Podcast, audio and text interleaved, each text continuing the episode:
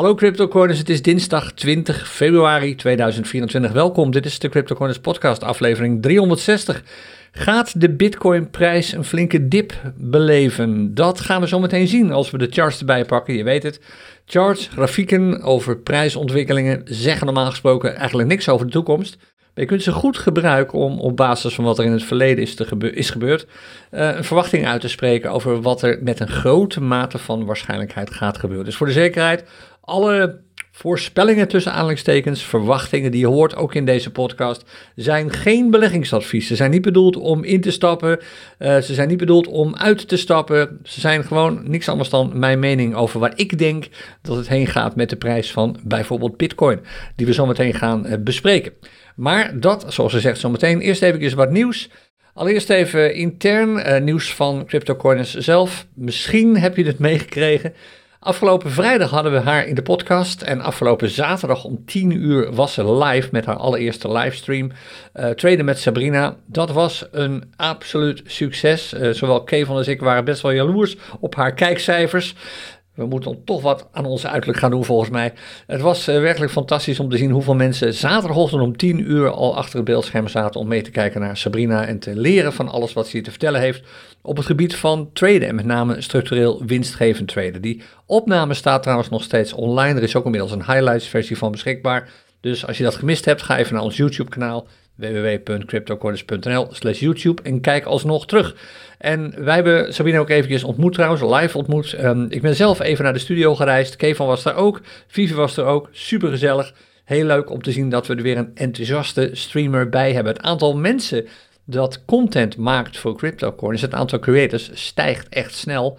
Volgens mij, ik hoop niet dat ik iemand nu vergeet, maar volgens mij zijn we minimaal met zeven, zelfs acht mensen op dit ogenblik die al dan niet regelmatig content voor jullie maken. En dat worden er alleen maar meer. Maar goed, daar kom ik zo meteen wel even op terug. Eerst even nog wat over gisteren. Gisteravond zouden we eigenlijk een super webinar hebben gedaan. Uh, effectief traden met de CryptoCoins Scanner. Dat moesten we eigenlijk op het laatste moment uitstellen. En de reden heb je misschien meegekregen. Kevan is gisteren opeens hij had een combinatie van twee dingen. Volgens mij noemde hij er maar één. Hij zei dat hij door zijn rug was gegaan, maar hij heeft ook zijn enkel nog een keer verzwikt.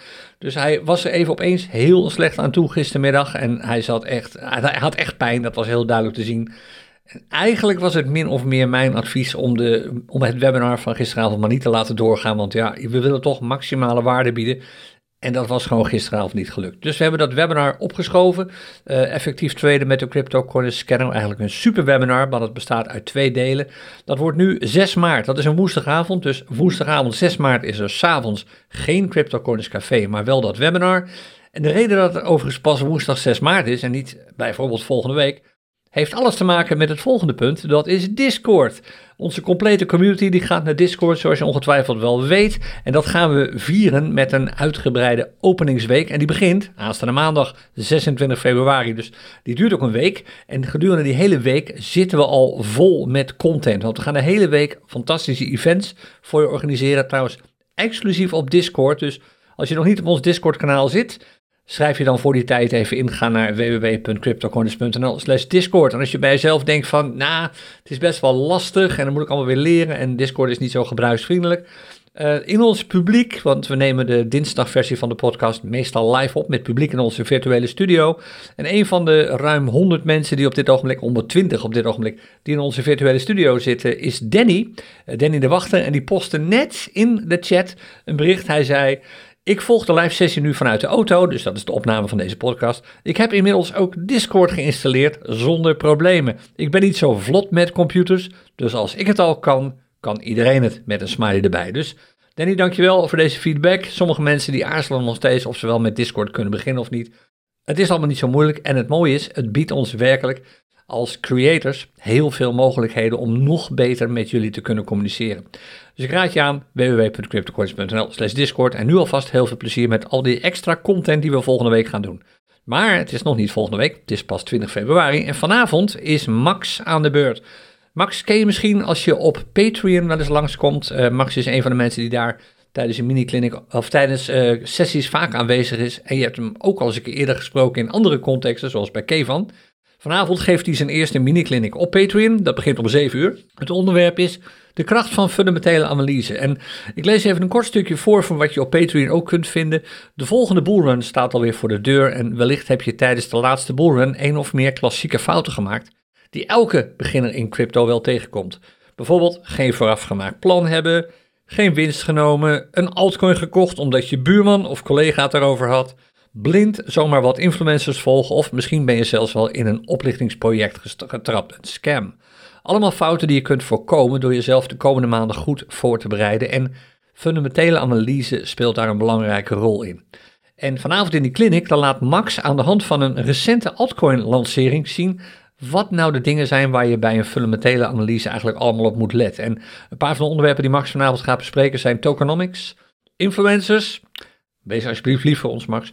Whitepapers, teams en ook on-chain analyse. En als je hier meer over wilt weten en je wilt je misschien inschrijven en dan op een serieuze manier met geld en crypto aan de slag op ons Money Professionals platform, dan kan dat via www.cryptocortis.nl slash Patreon. De link zie je nu ook in beeld staan als je meekijkt en zie je ook bij de show notes van deze podcast.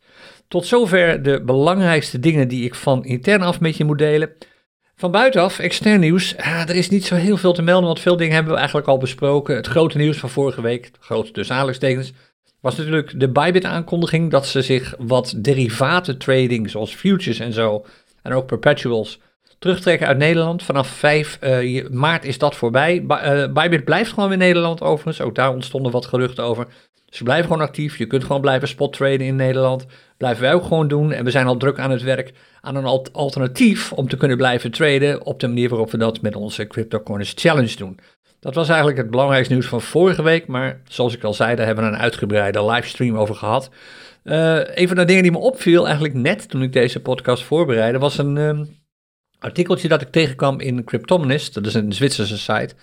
En die zeiden, er zijn op dit ogenblik eigenlijk maar 10 assets in de wereld die meer waard zijn dan 1 biljoen, uh, do 1 biljoen dollar. Voor de zekerheid, dat is een 1 met 12 nullen erachter, dus dat is 1000 miljard dollar. En één van die 10, je raadt het al, precies te zijn op de tiende plek, is Bitcoin. Dat komt, Bitcoin heeft inmiddels een marktwaarde van ruim 1 biljoen dollar. En als je de hele lijst afgaat, is gewoon interessant om te zien wat er allemaal op die lijst staat. Nou, Bitcoin staat dus op de tiende plek. Bovenaan de allereerste plek bespreken we trouwens ook altijd in de podcast, is goud. Dat het, het marktaandeel van goud, of het marktcap van goud, het marktkapitaal, is ongeveer 13 biljoen dollar. Dat is de eerste plek. De tweede en de derde plek uh, zijn bedrijven die je allebei kent, Microsoft en Apple. Microsoft en Apple hebben allebei op dit ogenblik, nee, Microsoft heeft 3 biljoen en Apple heeft nu bijna 3 biljoen, 2,8 biljoen dollar als marktcap. Dan komen een paar andere die je waarschijnlijk ook wel kent. Allereerst Saudi Aramco, als je denkt van, nooit van gehoord. Als je de Formule 1 volgt, dan zie je de reclameborden eigenlijk altijd wel in beeld. Uh, Nvidia, uh, Amazon, Alphabet en Silver. Alphabet is natuurlijk Google. En Silver, uh, dus de grondstof Silver, die staan ook in die top 10. En op de negende plek, net voor Bitcoin, staat nog een groot bedrijf, Meta. Je weet wel, Facebook. En op de, dan komt Bitcoin op 10. En op 11, dat vind ik wel heel grappig. Op 11 staat uh, Berkshire Hathaway. Als je je afvraagt, Berkshire Hathaway, waarom is dat nou zo bijzonder? Nou, de oprichter, schuine streep, eigenaar. Het is, een aan, het is een publiek bedrijf, maar even goed, oprichter, schuine streep, eigenaar van Berkshire is Warren Buffett. En Warren Buffett is niet zo heel enthousiast over Bitcoin. Hij is degene die Bitcoin vergeleek met rattengif. Nou ja, toch leuk om te zien dat hij inmiddels qua market cap op de 11e plaats staat, vlak na Bitcoin. Vond ik interessant om over te lezen. Um, dan nog heel eventjes iets over vorige week, voordat we met de charts aan de slag gaan. Nog even wat luchtigs.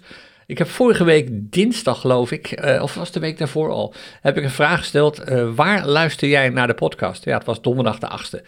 Waar luister jij naar de podcast? En daar zijn heel veel leuke antwoorden op gekomen. En ik pik er gewoon even een paar uit. Ik heb een aantal niet Er zijn heel veel reacties gekomen, echt tientallen. Maar ik heb er even een paar uitgepakt die ik echt heel leuk vond. Ik pak er daar weer een paar willekeurige uit. Uh, iemand schrijft: uh, Goedemorgen, vaak op mijn werk. En dat is op de kraan, luister ik naar jullie.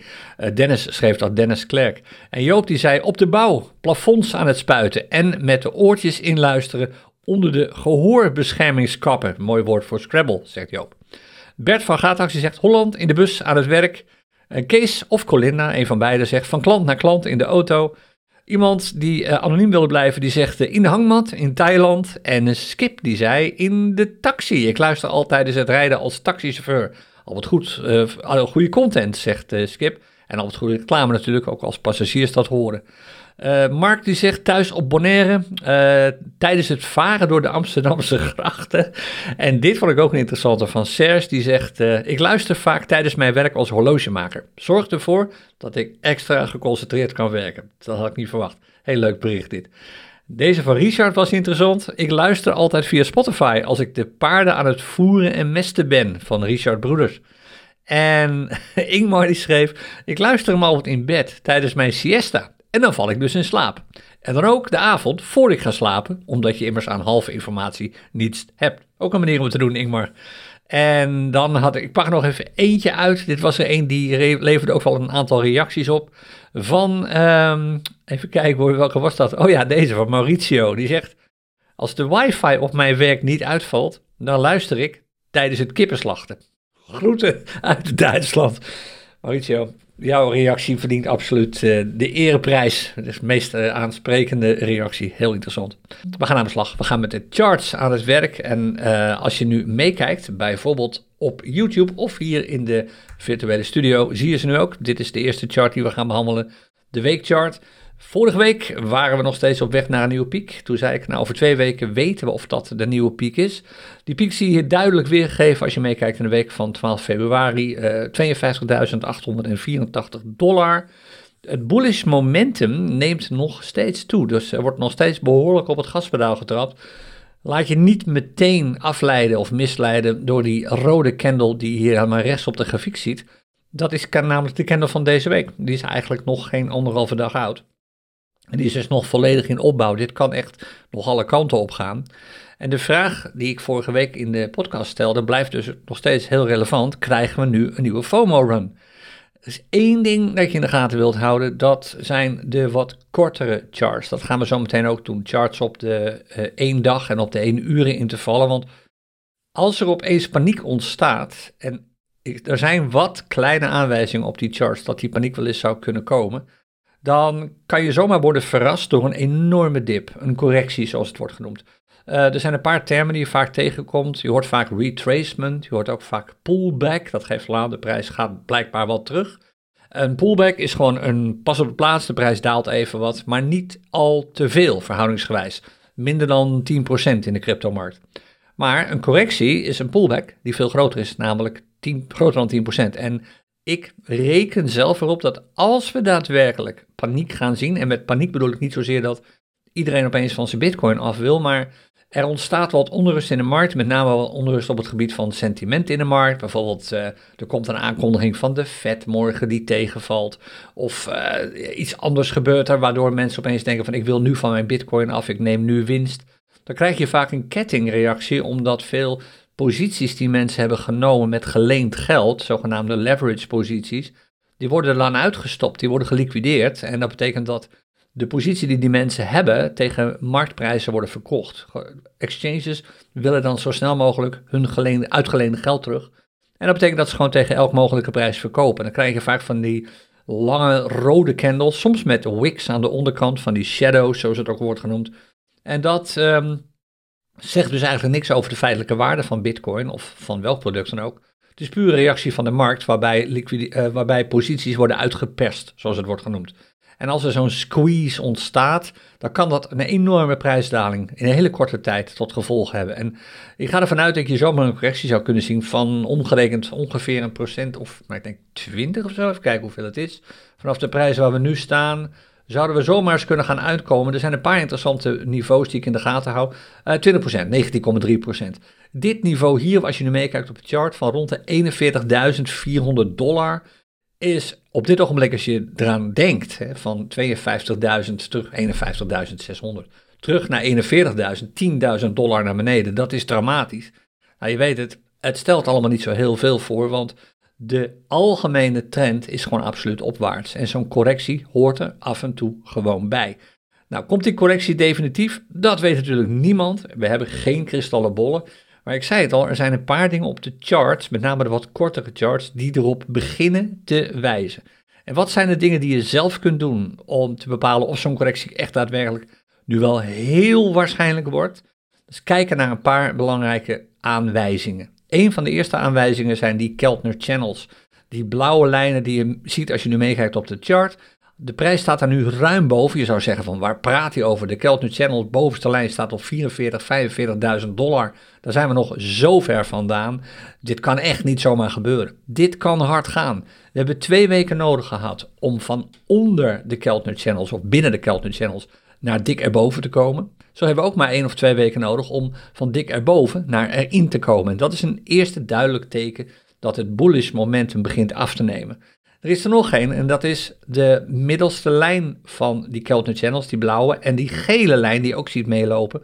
Dat is een voortschrijdend gemiddelde van de laatste 20 sluitprijzen. Daar zou de prijs naartoe kunnen dalen als we daadwerkelijk zo'n correctie gaan zien. Dus dit is het prijsspel waar ik op reken. Nou, waar let ik op? Ik let op de Keltner Channels, maar voordat ik dat doe, kijk ik al naar het volume. En op dit ogenblik kun je daar nog weinig over zeggen, want deze week is pas net begonnen. Maar zoveel volume is er op dit ogenblik niet. Als je deze volumestaaf van deze week vergelijkt met de volumestaaf van vorige week, nogmaals, dat is dus een 5 keer, 4,5 keer uh, meer informatie, 4,5 keer meer trades, want de week was natuurlijk toen al klaar dan zie je dat we daar niet echt in de buurt komen. Op dit ogenblik, als het zo doorzet, komen we niet uit boven een volume dat hooguit drie kwart is van het volume van de week hiervoor en de week daarvoor en de week daarvoor. Laag volume bij stijgende prijzen, dat klopt niet. Dat is altijd een teken dat de max is bereikt. Maar dit is alleen maar de weekchart. Je wilt meer informatie hebben, dat betekent dat je wilt inzoomen. Dat gaan we ook even doen. We kijken even naar de dagchart van Bitcoin. Als je die dagchart erbij bracht, dan zie je een paar heel interessante dingen. Eerst even vorige week. Ik zei vorige week vrijdag, dus vlak voordat we met Sabrina gingen babbelen, zei ik... Naar mijn mening is er nog steeds wat. Dat was trouwens hier, als je meekijkt, dat was deze candle. De candle van deze, de laatste groene candle die we zagen voordat er een rode kwam. Een bijzondere rode met die gele cirkel eromheen. Afgelopen vrijdag zei ik iets in de geest van: het is een beetje onduidelijk waar we heen gaan. Eh, met die koers. Want we hebben eigenlijk min of meer een doji gehad. Min of meer. Het was niet echt helemaal een doji, maar dat was die doji van uh, afgelopen donderdag.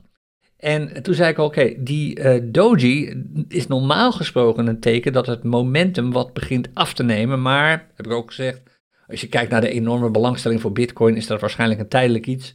Ik kijk er niet raar van op als we in het weekend toch een behoorlijke bullish beweging gaan zien. Nou, dat is niet gebeurd. Maar die doji, die was wel geldig. Kijk maar, want inmiddels zie je dat de prijsbeweging naar boven is gestopt. We zien eigenlijk op de dagcharts alleen maar zijwaarts gaan. En we zien nog een signaal. Het is bijna perfect, niet 100% perfect. Maar dit signaal hier, waar die gele cirkel omheen staat, zo'n lange rode candle die een beetje op een hamer lijkt. Het enige wat niet helemaal klopt is dat kleine puntje aan de bovenkant. Dat hoort normaal niet te zijn. Maar deze hamer, eigenlijk technisch gezien heet dit ding een hangende man, een hanging man is een speciale candle die aangeeft dat er een prijsdaling op komst is. Als zo'n hanging man, zo'n zo'n hamerachtig symbool, in een lange reeks opwaartse candles te zien is, wat je hier ziet, hè, want sinds de week van, uh, wat was het, uh, eh, 6 februari, hebben we, dit zijn dagen natuurlijk, sinds, uh, sinds de dag 6 februari hebben we alleen maar opgaande candles gezien. Zie je opeens die hamer ontstaan en je ziet daarnaast de prijs ook niet meer doorgestegen en is op dit ogenblik zelfs lager dan dat hij was op uh, de dag vlak daarvoor, de dag voordat die hamer optrad. Zo'n, zo'n sorry, hanging man. Als dat ding bovenin staat in een reeks, wordt het een hanging man genoemd. Als je hem onderaan in de reeks voor, uh, tegenkomt, dit is geen goed voorbeeld op 23 januari, maar stel dat dit er een zou zijn, dan zou dit een hamer heten. Dus die hanging man is een, opnieuw een signaal dat we wel eens een keertje klaar zouden kunnen zijn met die opwaartse beweging en misschien gewoon een dalende beweging gaan zien. En ook het volume is interessant om te zien. Kijk, dit is het volume van gisteren, afgelopen maandag. Nou is het volume in het weekend altijd lager, dat weet je. Kijk maar eens wat terug op de chart. Maar als je dit volume van maandag 19 februari vergelijkt met bijvoorbeeld het volume van maandag 12 februari, dat was hier, dan zie je dat het een stuk lager is. En het volume van de week daarvoor, maandag 5 februari, dat is hier zo, was ook hoger dan het volume van gisteren. En ik heb verder niet eens teruggekeken, maar laten we kijken naar maandag 29, ook hoger. En nog een week terug, maandag 22, ook hoger. Kortom, al een aantal weken op rij is het volume van de eerste dag van de week uh, hoog geweest en gisteren was het opeens een stuk lager. Alweer zo'n signaal, want lager volume bij structureel gezien stijgende prijzen is eigenlijk altijd een veegteken. Betekent eigenlijk dat die prijzen niet legitiem zijn op het ogenblik.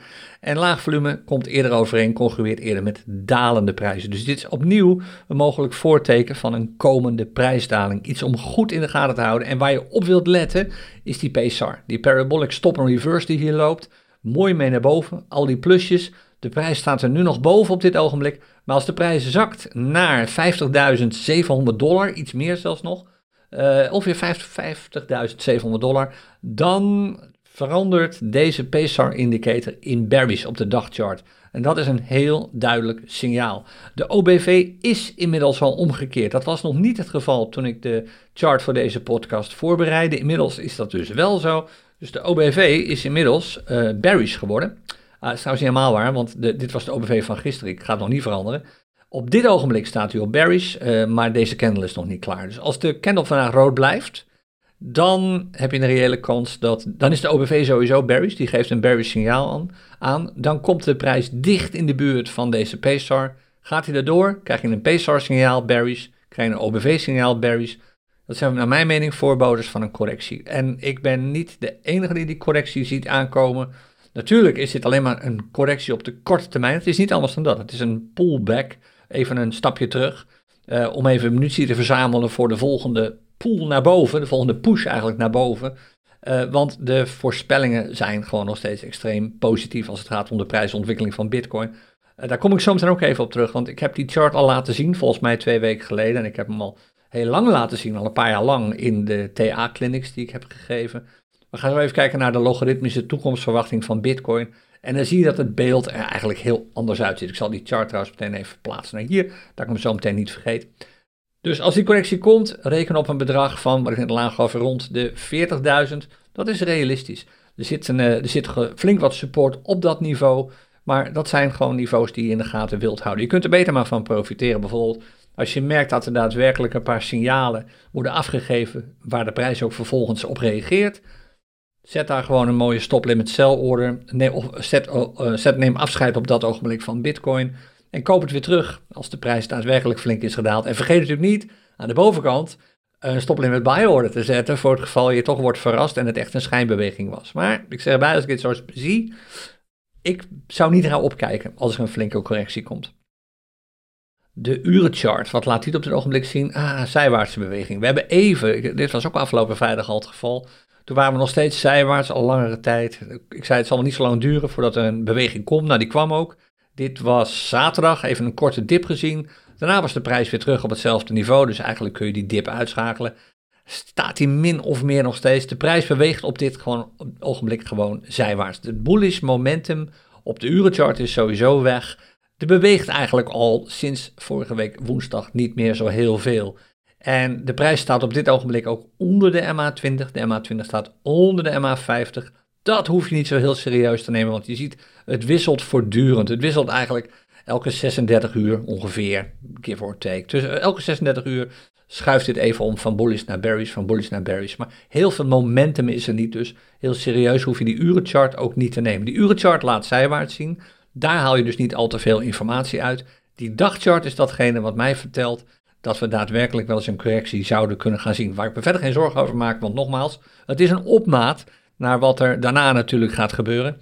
En dat heb ik in deze, ik noem het al mijn uh, logaritmische forecast chart uh, staan. Overigens uh, stuurde iemand op Discord, was het volgens mij, Rina heet ze, die stuurde een screenshot van een soortgelijke chart die al wat ouder was. Die was bedacht in 2017 door volgens mij een Italiaanse meneer. Um, ik heb dit zelf in 2021 keer getekend, of 2020 of 2021, tijdens een clinic, tijdens de live clinic die ik toen al gaf, technische analyse. Toen zei ik, kijk, als je de bitcoin prijsontwikkeling nou eens een keertje niet zo spectaculair wilt bekijken, maar logaritmisch, waarbij je dus niet kijkt naar absolute winsten, maar exponentiële winsten. Oftewel, als de prijs met 1000 dollar stijgt, zegt dat niet zoveel. Het gaat erom met hoeveel procent de prijs gestegen is ten opzichte van een dag of een week ervoor. Dan krijg je een min of meer lineaire ontwikkeling van de Bitcoin-prijs te zien en kun je goed in de gaten houden of de Bitcoin zich aan een bepaald patroon houdt. En het patroon is bij mij op deze chart als volgt te zien. Die verticale lijnen die je nu ziet, dat zijn jaarbegin. Oftewel 2024, ik heb die van 23 maar weggehaald. 24, 25, 26 en 27. En dat gaat zomaar door natuurlijk. En je hebt een dikke groene lijn en een dikke rode lijn. Die schuinlopende lijnen, die trendlijnen. De groene trendlijn aan de onderkant geeft de support aan en de rode trendlijn aan de bovenkant geeft de resistance, de weerstand aan. Met nog twee stippenlijnen erbij, de uiterste. En je ziet, de trendlijn wordt goed gerespecteerd aan beide kanten, maar af en toe schiet de prijs er even doorheen om vervolgens een nieuwe, tussen aanhalingstekens, trendlijn te respecteren. En eigenlijk betekent dit technisch gezien het volgende. Zolang de prijs zich beweegt binnen de dikkere groene trendlijn en de dikkere rode trendlijn, is alles nog steeds volgens planning. Met kleine uitschieters naar de onderste groene stippellijn en de bovenste rode stippellijn. En dat betekent dat volgens deze weergave een op dit ogenblik logische prijs voor Bitcoin. We zitten nu in de week van 12 februari, dit is trouwens een twee weken chart. Een logische prijs voor Bitcoin op dit ogenblik, let op, een enorme bandbreedte, zit tussen de 33.000 aan de onderkant en aan de bovenkant, hou je vast, 600.000, 588, 589.000 dollar. Nou, is exorbitant veel natuurlijk. Maar als je de middelste lijnen houdt, dan wordt het allemaal wat overzichtelijker. Aan de onderkant is die, dat prijsniveau nu ongeveer 46.000, 46.000, 47.000 ongeveer. En aan de bovenkant zou het prijsniveau ongeveer 300.000 zijn.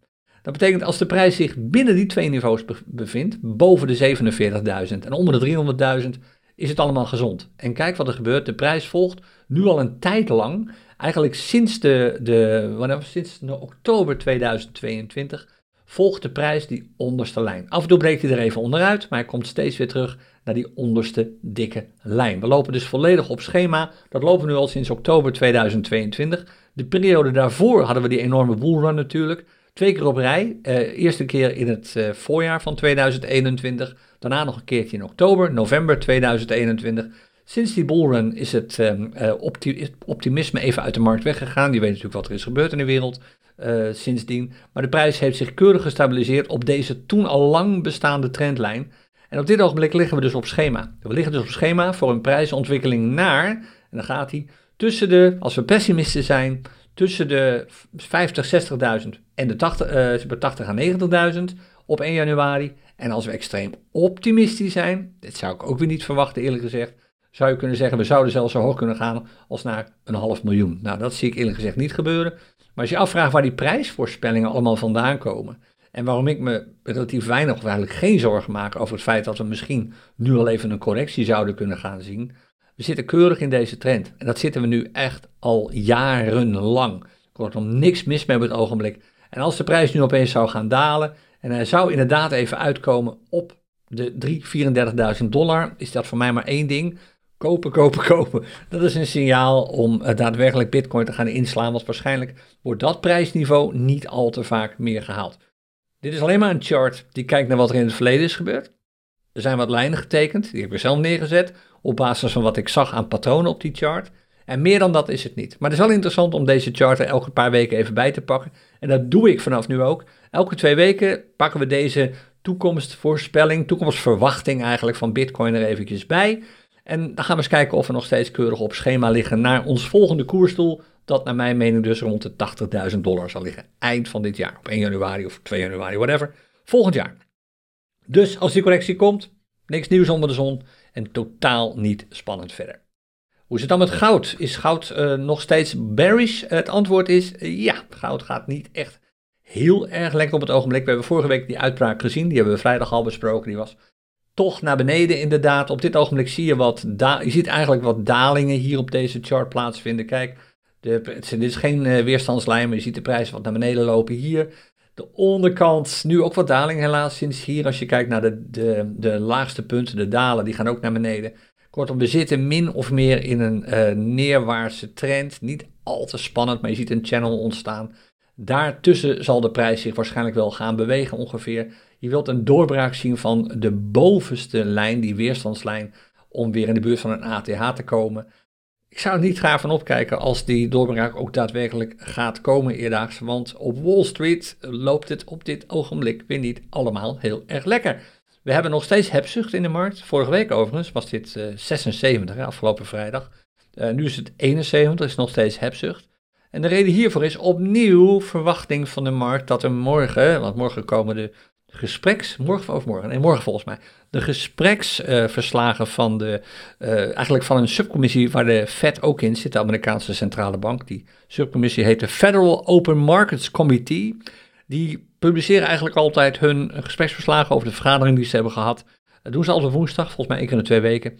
En alle analisten gaan koortsachtig op zoek in die gespreksverslagen naar mogelijke aanwijzingen van mogelijke, in dit geval, renteverlagingen.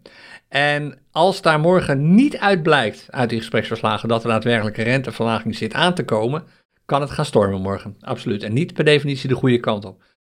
Als ik kijk naar de cijfers, de, gewoon de, de, de koude data van inflatie in Amerika, uh, prijsindices, uh, consumentenvertrouwen, huisverkopen, noem maar op en zo daar, schuld die oploopt.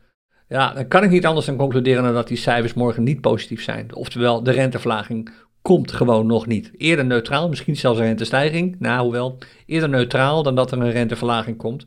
Als ik me vergis, dan schiet alles morgen natuurlijk wat aandelenmarkten betreft de hemel in. En Bitcoin volgt dan ook uh, braaf. Maar als ik gelijk krijg, dan kun je morgen een prijsdaling van Bitcoin verwachten. Dat is niet anders. Tijdelijk, want het is alleen maar sentiment natuurlijk en het zegt niks over Bitcoin zelf. Het gaat over de fundamentele waarde. Dat zegt wat over Bitcoin. En prijzen hebben daar nu helemaal niks mee te maken. Luister maar naar Max vanavond uh, op uh, Discord.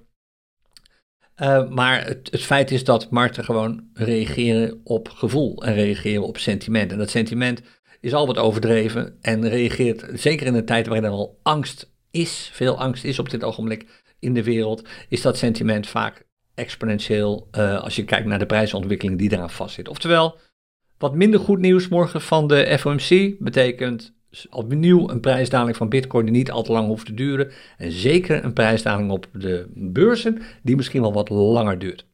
Hoe is het met de heatmap? De crypto-bubbels op het ogenblik niet al te positief, maar zo niet zo erg, want we hebben behoorlijk wat groene dagen achter de rug natuurlijk. Dit is allemaal korte termijn, dit zijn prijsverschillen, dit zijn alle altcoins die je nu in beeld ziet. De waarde van die alt, of de prijs van die altcoins uitgedrukt in dollars. En als je dit op een grote hoop zou vegen, dan zie je in feite nu een rode heatmap op dit ogenblik. Het rapportcijfer dat ik uh, er straks vergeten heb te noemen, is trouwens een 7. Dat was gebaseerd op de heatmap van vanochtend vroeg. Inmiddels zou het een 5 zijn, want de heatmap over de afgelopen dag gezien is ook rood. Kijk maar, die is niet zo rood als de heatmap over het afgelopen uur. Maar je ziet flink wat dalingen. Er zitten een paar munten bij die behoorlijke daling hebben gezien. 10% of meer is geen uitzondering op dit ogenblik. Helemaal niet erg. Dit is een logische correctie naar wat, of pullback eigenlijk, naar wat we natuurlijk de afgelopen dagen hebben gezien. Veel FOMO. Dat zie je trouwens ook terug als je kijkt naar de CryptoCoin scanner. En kijkt naar de barometer, die is behoorlijk positief. Of met name de trend, sorry. Die is behoorlijk positief. Laten we meteen maar even de barometer erbij pakken voor de uh, dollarmarkt op dit ogenblik. Die ziet er als volgt uit. Dit is de Binance barometer trouwens uit mijn hoofd. Ja, uh, die ziet er als volgt uit. Even de meldingen uitzetten, want er zijn er zoveel nu. Beetje oppassen als je nu trade, hè, want dit, is, dit zijn bewegingen waar je misschien niet in wilt worden gevangen als je op de 1.0 manier trade, dus klassieke crypto coins day trading methode.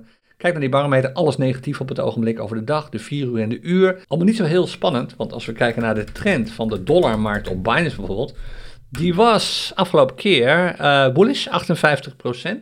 Was meer bullish dan de dinsdag daarvoor. En nu is hij nog steeds bullish, uh, eh, 56%. Dus iets minder bullish geworden, maar nog steeds perfect bullish. Oftewel, het is met de cryptocoins 2 strategie, de vernieuwde strategie, prima uh, trade op het ogenblik als je die trends maar goed in de gaten houdt. Hoe zit het dan met de trends voor de Bitcoin-markten? Die was een tijd lang bearish. Hè? Vorige week hadden we volgens mij nog, um, moment hoor, trend Bitcoin op Binance, hadden we nog 30% bearish. Even kijken hoor. Ja, 30% bearish. Het werd minder, maar het was 30% bearish. En het is nu bullish. 5,5% bullish. 6% bullish inmiddels. Oftewel, als je op Bitcoin trade, of met Bitcoin trade als basismunt, en um, uh, je hebt een handelsplatform gevonden waar genoeg volume is, dan kun je op dit ogenblik met Bitcoin alweer aardig long trades maken. Is niet zo heel fanatiek als met de dollar natuurlijk, maar het begint langzaam maar zeker weer een optie te worden, omdat die Bitcoin trend, uh, Bitcoin, altcoin Bitcoin trend langzaam maar zeker bullish begint te worden. Kortom, het ziet er eigenlijk allemaal best wel aardig uit. Er zijn een paar dingen waar je gewoon supergoed rekening mee wilt houden. Dat is dat na elke snelle prijsstijging er altijd een correctie komt. Is gewoon een gouden gegeven in elke markt, ook in de Bitcoin-markt. En we hebben nogal wat gezien. Sinds, uh, een paar, sinds een maand geleden eigenlijk, toen stonden we met Bitcoin nog op een prijsniveau van 42, nee onder zelfs nog 40.000 dollar, 39, 40.000 dollar. En toen had iedereen getekend voor de prijzen waar we nu staan, 52.000 dollar. En nu staan we op 52.000 dollar. En als de prijs zou terugzakken naar die 40.000 dollar, schrikt iedereen enorm. Maar vergeet niet, dat is de prijs waar Bitcoin een maand geleden op stond. Het zegt helemaal niks. Er zijn een paar fantastische dingen die eraan zitten te komen, die de waarde van Bitcoin alleen maar zullen verhogen. Laat ik maar beginnen, of beginnen en eindigen vandaag om deze podcastaflevering niet te lang te maken. Met de halving die half april waarschijnlijk komt. Volgens mij las ik ergens dat verwacht wordt dat het rond de 20ste is. Dan wordt nieuwe bitcoin een stuk schaarser. Dan komen er nog maar de helft van de hoeveelheid bitcoins bij uh, als, je een, uh, als je een blok hebt gemined. Uh, dus geen zes meer, maar drie zijn dat er. En dat maakt, omdat die bitcoin werkelijk uit de handen wordt gerukt op dit ogenblik door al die ETF-partijen bij alle miners. Dus miners houden geen bitcoins meer over, die worden gewoon meteen verkocht. Ja, dat betekent gewoon prijsopdrijving, kan niet anders. Want wat je nu ook ziet gebeuren, ondanks het feit dat we nu even een kleine pas op de plaats zitten en misschien een fikse correctie, het enthousiasme voor Bitcoin bij traditionele investeerders wordt alleen maar groter. De inflow van geld bij die grote jongens is gigantisch. Kortom, als je zou schrikken van zo'n mogelijke correctie, of als je iemand in je omgeving tegenkomt die schrikt van zo'n mogelijke correctie, mijn antwoord is altijd: joh, maak je geen zorgen, rustig afwachten. Vooral niet verkopen. Dat is wat ik mensen zeg. Nooit verkopen als de prijs daalt. Alleen maar verkopen als de prijs stijgt. Als de prijs daalt en je hebt vertrouwen in het product waarvan de prijs daalt, koop je dat product. Zo simpel is het. En andersom. Als de prijs stijgt, ongeacht het vertrouwen dat je hebt in het product, verkoop je product, pak je winst. Jouw kans komt daarna wel weer. En je wilt uiteindelijk ook een keertje winst nemen natuurlijk. Opnieuw, iets waar je vanavond absoluut eventjes naar wilt luisteren uh, als je lid bent van Patreon, is wat Max daarover te vertellen heeft in zijn fundamentele analyse mini-clinic. We zijn klaar. We gaan nog even doorpraten hier met het publiek in de studio. Leuk dat je geluisterd hebt. Ik ben er uh, morgenavond, vanmiddag weer, om twee uur, maar dat is een besloten sessie voor iedereen die de cursus beleggen en traden met Bitcoin volgt en die zich heeft ingeschreven voor die terugkomstsessie die om uit mijn hoofd twee uur vanmiddag begint. En ik ben er morgenavond ook weer bij het Crypto Coins Café. Daar spreek ik je weer. Ik wens je tot die tijd happy trading. Veel plezier als je daarbij bent vanavond met Max. Tot snel. Dag.